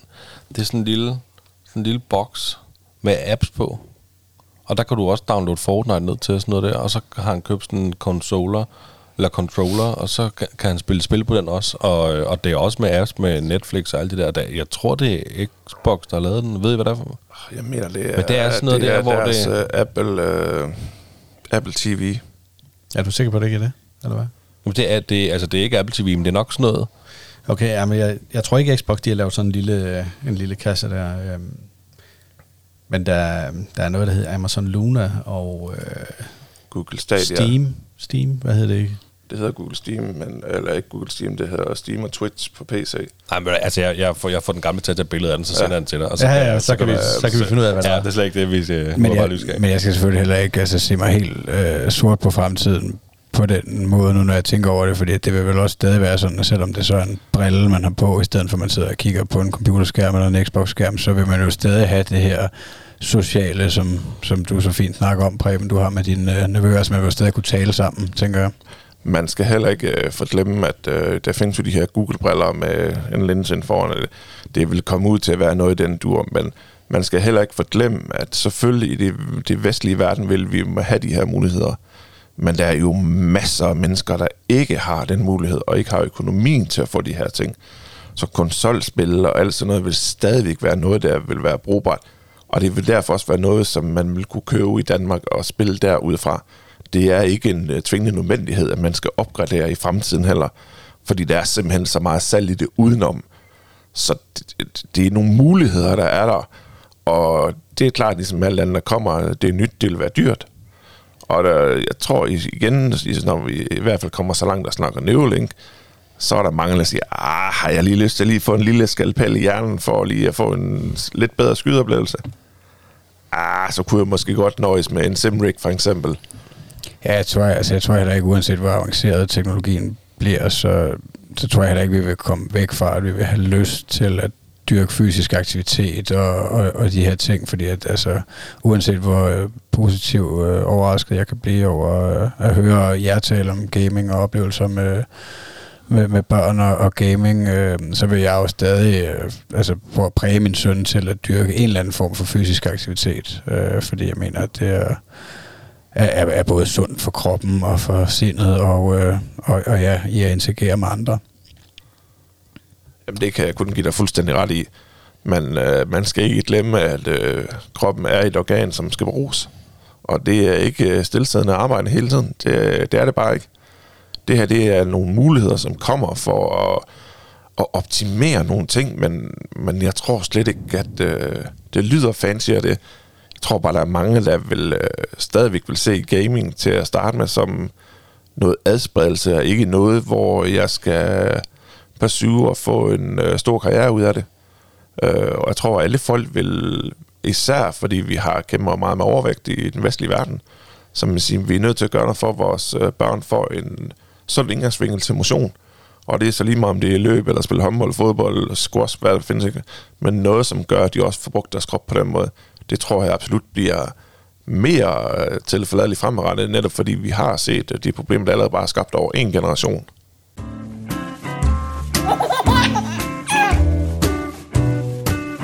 Det stolte far. Jeg tænker også sådan lidt øh, fra, på spil, fra da jeg selv var barn. Øh, og nu snakker vi ikke teenager, nu snakker vi, da jeg var helt barn. Altså sådan noget Magnus og Myggen. Ja. Det var noget af det fedeste spil, altså da jeg var barn. Ikke? Jeg glæder mig helt vildt meget til, at øh, jeg forhåbentlig, hvis jeg kan finde spillene et sted til en PC, øh, og introducere dem for min søn, for jeg selv synes, de var så fede. Men synes I, at vi voksne, vi skal holde fast i dem og prøve altså de gamle spil og prøve at vise øh, den nye generation de spil, eller skal vi sådan så bare glemme dem og så øh, vise dem de nye spil? Det er da helt sikkert, at det kunne være noget, der, der kunne være sjovt at tage frem, men de vil, de vil simpelthen tænke, hold fast, du er håbløs gammeldags svar. Tror du det? Ja, det tror jeg. Øhm, det er altid godt at vise, hvor det er, man kommer fra, og, og, og hvad man selv har brugt tid på, dengang man var mindre, og, og forklare lidt om de forhold, der var dengang. Men øh, der sker simpelthen bare så meget, så det vil, være, øh, det, det vil godt nok være et skridt tilbage for dem, og det vil gå alt for langsomt for dem, fordi tingene sker hurtigere i dag, end de altså, gjorde i gamle dage. Altså det, skal jeg bare fange dem lidt tidligere alder, end jeg da jeg selv spillede dem måske. ja, det kan være. Det kan være. Det kan godt være, det er det, der skal til. Jamen, det har bare tænkt så meget over det der lige Magnus og Myggen. Altså, det, det kunne bare et eller andet, virkelig. Øh, og, og der, vi snakker selvfølgelig... Øh, ikke, altså, jeg sad ikke var 15 år og spillede Magnus og Myggen, men øh, vi var yngre end det. Ah, Men hvordan tror du, du vil have det i dag? Altså, hvis du fandt det i dag, tror du så, du ville øh, tænke det samme? Eller tror du... Det er lidt ja. ligesom, hvis du så en god actionfilm, øh, og synes, den var mega god dengang, at du var 8 år gammel. Og så ser du den i dag, og så kan du bare se... Øh, Ja, men der, alle- det er faktisk lidt, lidt sjovt, du siger det, for det er faktisk en af de ting, jeg har skrevet ned også. Okay. Fordi det er faktisk netop det med, at, at når jeg investerer i et gammelt spil, jeg spillede, for da jeg var barn eller teenager, og så prøver at spille dem nu, for du kan jo, nu spiller jeg jo Playstation, ind på Playstation Store, der kan du gå ind og finde.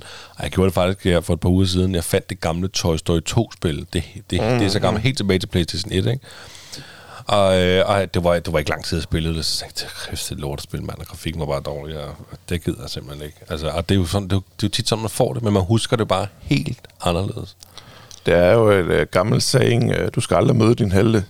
Ja, Og det er lidt det samme her, men det er også fordi, børn i dag er blevet conditioned til, at tingene sker hurtigere, tingene har federe farver. Der er noget, de får en iPad øh, som lille børn. Nu sætter du dig hen og ser Teletubbies, eller hvad filet øh, det nu er. Så øh, sort-hvid eller tidlige farver, det, det imponerer ikke deres hjerner, som det gør med det nye, der er kommet frem. Så derfor vil de ikke få samme glæde ud af det, og det oplever man også selv, så, som Jakob siger, med, med film eller tidligere spil. Så, så det er svært, og man kan godt introducere dem til det, og de kan godt se, men jeg tror, nostalgien har de svært ved at forholde sig til. Fordi det, det slet ikke lever op til det, de er vant til at se på tv, iPad, øh, mobilt, som dagen er i dag. Der vil kun være én type spil, hvor du kan gå ind og, og så finde frem, tænker jeg. Og det er, det er der, hvor gameplay det simpelthen bare er i top. Altså det, det duer ikke, hvis det er sådan, at du husker spillet, fordi det var grafisk flot, eller fordi at der var god musik, eller fordi at handlingen i historien var vildt god. fordi den vil ikke fange i dag. Så, øh, men hvis gameplay det var godt, altså at du simpelthen synes, at det var så fantastisk skruet sammen, det her spil her, så, øh, og så det er det, du husker det for. Så. Jamen altså, jeg husker jo netop, igen Magnus og Myggen, Magnus Myggen 2. Altså jeg vil våge påstå, det er verdens sværeste børnespil. For det var simpelthen så svært, og jeg har i en voksen alder prøvet at spille det, fordi jeg simpelthen blev nødt til at prøve det. Og der kunne jeg stadig ikke gennemføre det. Men, altså, øh, men var det godt for dig, da du var voksen? Ja, der, der, der må jeg sådan, jeg synes, når jeg, når, man, når jeg bliver så ivrig efter at prøve at gennemføre det, jeg ikke kan, så må det jo kunne, have kun noget. Ikke? Ja, men det, jeg kan jo godt se grafikmæssigt, men, men det er også, det virker som om, det er et spil, der virkelig er gået op i. Altså nu, nu snakker vi kun lige det, for der er jo også mange andre spil, der var der på den altså helt ind i vejret. Ikke?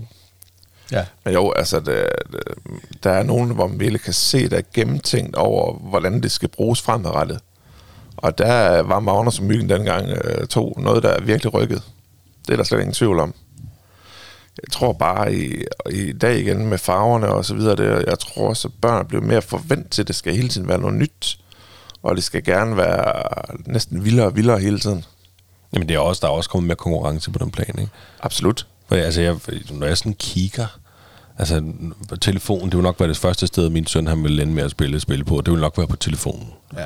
Og hvis man så lige kigger efter børnespil, der er jo milliard af det der, og ja. alt sammen ligner det samme, og er nærmest det samme, men hedder bare nogle forskellige. Sådan noget, ikke? Altså det er jo...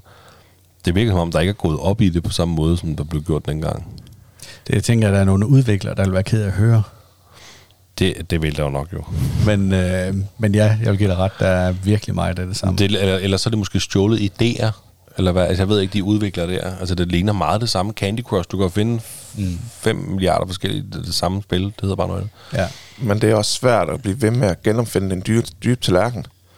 Fordi du har et skydespil, jo, du kan godt uh, sige, okay, så skal du tage en base, eller et eller andet her, skal du spille 5 mod 5, eller hvad der er. På et tidspunkt, så er der ikke flere spilvarianter, så det er svært ikke at ramme noget, der ligner hinanden. Det er jo også derfor, man tit ser i dag med spiludviklere, at det er ikke som sådan spilmodene, der bliver udviklet, men det er skins. Det er mulighed for at få andre farver for våben, andre tøj og så videre, og så videre til personen og det. Så det er det, de går op i, og de tjener boksen på det. Ja. Microtransactions er deres største indtægtskilde nu i forhold til spil. Så det er det, Hvad kaldte, hvad kaldte du det? microtransactions. Fordi det er mindre transactions inde i spillet, mm. hvor du så køber for eksempel et skin til 20 kroner eller 50 kroner, hvad det nu skal være. Ikke? Ja, det gør ikke så ondt, men uh, der kan sætte med ved at købe mange af dem. Ja, Ja, ja det er meget sjovt. Altså, da I sagde det der med mobilspil, det har jeg slet ikke, øh, det har jeg slet ikke tænkt over. Men, øh, men jeg kunne godt tænke mig at spørge, hvad, hvad, altså, hvad tænker I? Øh, mit øh, første spil, øh, mit, mit barns første spil skal være, og på hvad for en øh, konsol? Du skal øh, simpelthen øh, spille et spil, der hedder Adopt Me. Adopt Me? Ja, det er et øh, spil til, det er både til PC, Playstation, Xbox skulle det være, hvor øh, barnet skal bygge et spil, eller bygge et hjem, og så skal den opdatere, eller adoptere et kæledyr, som den så skal tage sig af. Jeg synes, det er rigtig godt, at børn kan få en øh, forståelse af, at man har ansvar over for noget andet. Så det tror jeg, at det spil vil være rigtig, rigtig godt til. Ja, det er meget sjovt. Det, det lyder sgu også meget vildt, men, men det, det vil ikke være til telefonen eller til iPad'en. Det er til konsoller eller PC. Ja, det mener jeg ikke lige 100 på det, men det er der til at undersøges. Ellers så skal det, hvis det bare skal være sjov, så skal det spille uh, Fall Guys Ultimate Knockout. Du har en knap, du styrer med, og du har en knap, du hopper med. Det er til at finde ud af. Ja, det lyder nemt. Også på alle øh, konsoller. Ja, Det findes til konsoller og mobiltelefoner og alt. Og det, Det handler, det er egentlig på samme måde som uh, Wipeout, det der var i fjernsyn, hvor du løber på sådan en forhindringsbane, Ja. og så skal du passe på, at du ikke bliver øh, hvad hedder det, væltet ned af modstandere eller af de der forhindringer, man skal forbi. Og så gælder det bare om at komme først i mål. Det er voldsomt sjovt. Det er sjovt. Hvor, hvor gammel skal man være? Der skal du ikke være ret gammel. Det er sådan en tegneseriegrafik, så øh, jeg kunne forestille mig, at du må spille det allerede fra tre år op ja. efter. Der findes noget, der hedder PEGI, PIGI, som er en vurdering på, hvornår øh, du må spille forskellige spil, for eksempel med vold og så videre. Der er 3, 7, 12, 16, 18, hvor 3 det er selvfølgelig fra 0 til 3, og så fremdeles. Uh, både Fall Guys, Knockout, Adopt Me, det er, falder i den uh, kategori. Der findes også til Nintendo Mario Kart, igen hvor du styrer rundt i en lille go-kart, hvor du skal trykke på nogle uh, enkelte knapper, og så kører den ellers bare. Så det er også til at finde ud af i, i den opdagsgruppe jeg vil ikke øh, lige så snart, altså de er fantastisk gode til at finde ud af styremåder, og hvordan du spiller spillet ufatteligt tidligt. De, så længe de leger selv med det, skal de nok finde ud af det. Men ellers så går du, du går aldrig helt fejl, hvis du finder et Lego-spil. Nej. Altså der, der har de jo i alle mulige forskellige genrer. Der er både superhelte, men der er også noget, som kunne lave til piger, der er noget, der kunne lave til drenge, der er noget, der lave til små børn, store børn. Der er noget, hvor du kan være kreativ og bygge din egen verden. Altså, de har alt. Ja, det, det, det kunne jeg godt forestille mig faktisk, for det er også genkendeligt for barnet. Ja. Altså, der er jo, altså, ja. Ja, og der har de også noget så simpelt som Lego Undercover, som bare er en stor åben verden, hvor du bare skal gå rundt og undersøge de forskellige ting. Ej, det kunne være sjovt. Kan man få det til Playstation? Ja, det kan du godt. Øh, og det igen, jamen, du har ikke nogen tidsbrændelse. Du skal ikke nå noget inden for en bestemt tid. Du skal ikke nå at bygge noget. Du skal ikke slå nogen ihjel eller noget som helst. Du skal bare undersøge hele den her verden, hvordan det fungerer. Men sådan øh, jeres personlige holdninger i forhold til, at altså, vil I så råde øh, mig, der er far til en dreng på tre, vil, vil, vil I så mene, at det var en god eller en dårlig idé at gå i gang med noget nu? Jeg tænker også, altså, altså jeg kom først til at tænke sådan lidt på, om det er Altså om det er en god idé i forhold til at ruste ham til at, at, at kunne gebære sig i spil, når han starter i folkeskole. Altså, fordi lige nu er det jo ikke aktuelt i forhold til, at han er sammen med andre børn i, øh, i børnehaven, han lige startede i, og der er jo ikke, altså, der er jo ikke nogen skærme dernede. Men altså, hvad, hvad vil jeres råd være der, hvis vi skal starte med dig, Jacob?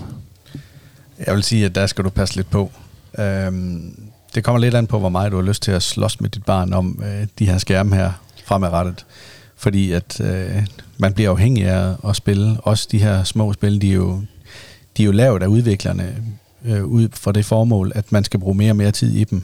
Og de skal også tjene penge på en eller anden måde. Så er der et eller andet, de kan købe dig i, som de selvfølgelig skal have lov til af forældrene, inden at man lige køber en eller anden ting øh, til selve spillet.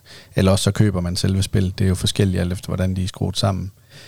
Men helt sikkert, så, så skal man, øh, man skal lige overveje det, om, fordi at, at du vil nå et tidspunkt ret hurtigt, tror jeg også, øhm, inden at du begynder at stå der med, jamen altså, så bliver vi nødt til at sætte begrænsninger på. Det skal være maks en time om dagen, eller sådan noget i den stil. Hvad Så- man nu selv øh, har præferencer.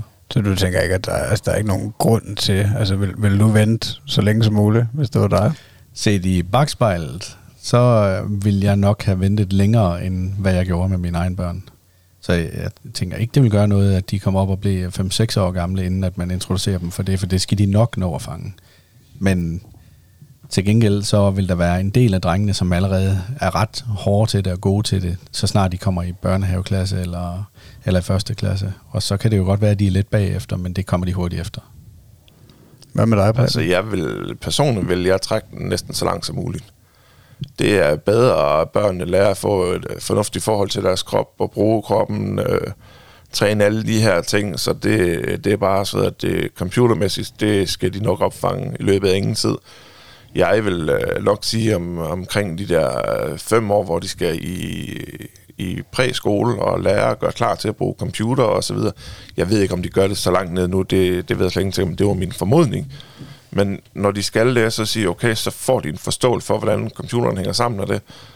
Så synes jeg, det er, det er okay. Men for mig har børn ikke behov for at skal spille computerspil på et tidspunkt. Det skal mere handle om, de skal lege og udvikle sig. Øh, skal de spille noget, så vil det være nogle ordspil for eksempel. Øh, noget, de får øh, konstruktivt fremadrettet, får bedre sit sprog, eller sammensætning, matematik, sådan nogle ting, som de lærer i præskole. Det er jo sådan nogle spil, jeg vil prøve at finde. Øh, det, det må være derude et eller andet sted. Jamen det, er- det er det også, og der er vendespil, hvis det er sådan, du skal træne hukommelsen og alt muligt Ja, andet. det er nok det. Øhm, så, så hvis det er sådan nogle spil, at du øh, tænker, at du kan være interessant at tage med dit barn til at starte med, så ja, øh, giv los.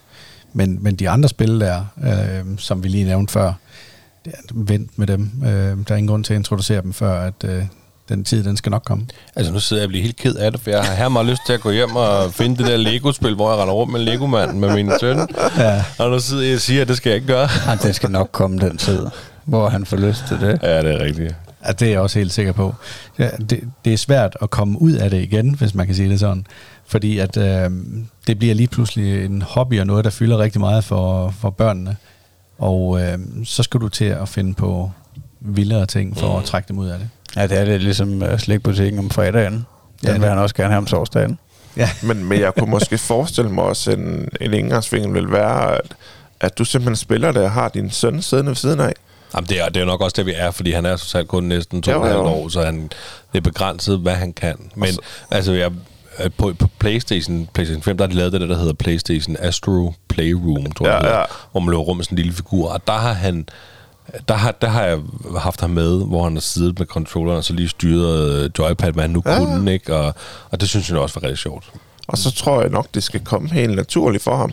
Sige, jamen far, hvad er det? Øh, Kan jeg øh, styre det og det? Jamen, så længe man holder det inden for, for de grænser, så synes jeg, det er fint. Altså personligt vil jeg, øh, vil, vil jeg, vil jeg spille de her udviklingsspil, og sige, det var det, der var relevans for mit barn, for at, at få så meget ballast med som overhovedet muligt. Det behøver ikke være, at du kan spille et skydespil godt, og du bliver slået af 17 kammerater, når du kommer i skole. Det skal de nok lære. Altså, der findes jo også et væld af spil, som, som gør det sjovt at lære. Så hvis børnene har svært ved et eller andet i skolen, så er der altså vanvittigt gode øh, musikspil, eller, eller hvad hedder det, matematikspil, dansk spil osv., som man kan gøre brug af, og så bliver det lige pludselig sjovt at få undervisning. Men det... Nå, undskyld. Nej, men jeg tænker også, det er, det er en virkelig fornuftig øh, udvikling på, på for eksempel sådan noget som iPads, altså mobilspil ja. iPads. Ja, ja, selvfølgelig må de spille iPad, hvis de, hvis de spiller nogle af de der ting, hvor de lærer noget. Og Ja. dem er der jo, som du siger, Ja. er der jo mange af de spil der. Ja, ja, de bliver bedre og bedre. Ja. Så. Ja, det lyder som et godt værktøj, hvis man altså, står med den problemstilling, øh, når de har gået et par år i folkeskole, at, øh, at de lige netop øh, måske er helt bagud i matematik, at man så ja, kunne finde nogle, nogle sjove spil, der, der gør det sjovere, at, øh, at de vil lære noget mere af det. Ja. Helt sikkert. Ja, Jeg ved ikke, om vi er ved at nå til vejs ende, Magnus. vil du gerne runde af? Jamen, hvis I er ved at nå til vejs ende, så bliver jeg simpelthen nødt til lige at komme med et enkelt spil. Ja. Øh, Ja, en jamen, spilanbefaling. Hvis du har mange, så kom med dem. Ej, men, jamen, jeg har mange, men, men, øh, men lige det her spil, det hedder It Takes Two, og det øh, har jeg spillet for nylig med min store datter, som på daværende tidspunkt var 16 år gammel. Og øh, det handler faktisk om øh, to forældre, der er ved at blive skilt, og det er pigen, som er hovedrollen i, den her, øh, i det her spil, det er hun ked af. Så hun, er, hun render op på værelset og, og kaster sig ind i en fantasiverden. Og i hendes fantasiverden, der, der er det altså to dukker, en mor og en far, som ligner hendes mor og far tilfældigvis i tøj og så videre, som man så øh, spiller for, og så skal man igennem den her ekstrem kreative verden, hvor man, øh, hvor man så spiller sammen om at løse opgaverne, og det, det styrer vanvittigt godt, det er sindssygt flot lavet, og så er det krydret med sådan nogle små øh, minispil indimellem, hvor du får lov til at udfordre den, du sidder og spiller med. Og det var bare, altså både mig og, og min datter Mathilde der, vi var, vi var fuldstændig forgabt i det spil. Det var fantastisk at prøve. Ej, fedt. Men det blev også årets spil her sidste år. Jamen altså, hvis man, hvis man sidder som lytter nu og har hørt den her podcast, øh, og tænker, hvad skal jeg spille? Vil du så gå ind og lyt og find gamle mænd i nye spil, og øh, eventuelt skriv til dem på de sociale medier, og få nogle anbefaler, anbefalinger, skriv, hvor gamle jeres børn er, og så kan det være, at de kan finde et fedt spil til dig og dine børn. Ja, altså, så vil jeg egentlig også gerne øh, spørge om, sådan, hvad, hvad, hvad kan lytteren forvente så af podcasten i, øh, i fremtiden? Altså det næste afsnit, at vi har, der kommer ud, det kommer til at handle om øh, top 5 inden for musik. Øh, hvor det er et musiknummer, eller om det er eller hele Soundtrack. soundtracket til, til spillet. Men ellers så har vi selvfølgelig nogle anmeldelser på vej, og vi har en episode sammen med jer, Mm. som, øh, som også lige giver lidt anderledes øh, i forhold til, hvor vi så kommer til at snakke lidt mere om børn og gaming. Øh, bare vores version af den. Og udover det, jamen, så har vi en hel masse andre ting på bedring. Altså, vi har nogle spændende interviews øh, med andre personer fra gamingverdenen. Øh, Vi laver en headphone-test. Ja. Ja, noget så simpelt som headphone-test, Ja. som, øh, altså, hvor, man, hvor man får en fornemmelse af, hvordan man lyder i den anden ende, øh, fordi vi har optaget øh, de, med, med de forskellige headphones, øh, så man får en fornemmelse af, hvordan mikrofonen den er. Og blæret. Ja, cool. Men altså, inden skal vi, skal vi give det aller sidste spørgsmål? Ja, kom Fordi du bare. vi, øh, vi giver jo, vi, vi har altid et spørgsmål med til vores gæster. Ja. Og i, i dagens anledning, så er der to spørgsmål. Et til Preben og et til Jakob. Yes. Øhm, og Jakob, lad os starte med dig, fordi vi stiller øh, altid fædrene, vores gæster. Hvis du skulle give et kommende, hvis du skulle give et råd til en kommende far, hvad skulle det så være? Hold da op, det er et dybt spørgsmål, det der. Øh, til en kommende far. Ja, eller, eller en far bare. Jamen, jeg vil bare sige, at man skal sørge for at nyde den tid, man har med sine børn, imens at de er små, fordi at øh, nu er mine børn blevet store, og øh, det er begrænset, hvor meget man, man ser dem efterhånden. Så øh, på det tidspunkt, hvor man er træt af dem, og de er pisseirriterende, og de øh, græder og skider, og man skal lave mad til dem hele tiden osv., ja, når man tænker tilbage på det, så er det faktisk ikke så slemt. Det er, det er næsten værre, det der med, at man ikke har så meget kontakt med dem længere. Så, så nyd det, mens at, øh, at de er små, men så sandelig også nyd dem, når de, når de bliver store, og så sørg for at få nogle super gode oplevelser sammen. Det behøver ikke være dyre oplevelser, men komme ud og lave noget sammen, det, det er egentlig... Spil et spil. Ja, eller spille et spil sammen, det kan altså også øh, gøre underværker. Og Preben, hvis du skulle give et råd, du er jo ikke far jo, men du er onkel. Eller jeg ved ikke, hvad I kalder jer. Jo, men onkel. onkel. Lad os sige onkel. Hvis du skulle give et råd til en kommende onkel, Sørg for, at øh, du kan være børnenes lytter, og en voksen, som de kan gå til og snakke med ting, som de ikke snakker med morfar om. Men allermest sørg for at, at være sammen med dem, når du kan. Det er, som Jakob siger, de vokser forfærdeligt hurtigt op. Og man glemmer hurtigt, at øh, de kommer fra en anden verden. Og her er øh, gaming en øh, god mulighed for at mødes over nettet og snakke om, hvordan verden hænger sammen. Jeg tror, vi har jo faktisk et øh, slogan inden for vores podcast, som hedder, at man bliver aldrig for gammel til at lege. Og det, øh, det er da bare det, vi siger. Det er det, vi siger. Det er fælles svar. det, det er nogle rigtig gode råd. virkelig. Hvor kan man øh, finde jer, hvis man vil se mere til jer? Jamen, vi er inde på Instagram, og vi er øh, på alle de forskellige øh, podcast-platforme. Men øh, man skal bare gå ind og søge på gamle mænd i nye spil, og på Instagram, der kan man ikke skrive A, så der er det jo AE, Ja. og så underscore imellem alle ordene. Men øh, det er der, vi er. Vi øh, sørger for at linke op til det i vores beskrivelse af den her episode i hvert fald. Øh, Så ja. vil det at sige, at du kan også øh, følge den øh, stolte far, lige hvor du har lyst til næsten, på øh, TikTok, Instagram og Facebook, og øh, hvis du har lyst til at øh, kaste børnenes børneopsparing efter den, så er det altså inde på øh, tier.dk. Det kan også være et mindre beløb end det. Men, øh, og tusind tak, fordi I lytter med. ja, og tusind tak, fordi I vil være med i vores podcast. Og mange tak, fordi vi måtte. Det må I i Det hvert var fald. en fantastisk oplevelse. Det var det i hvert fald. Tak lige måde.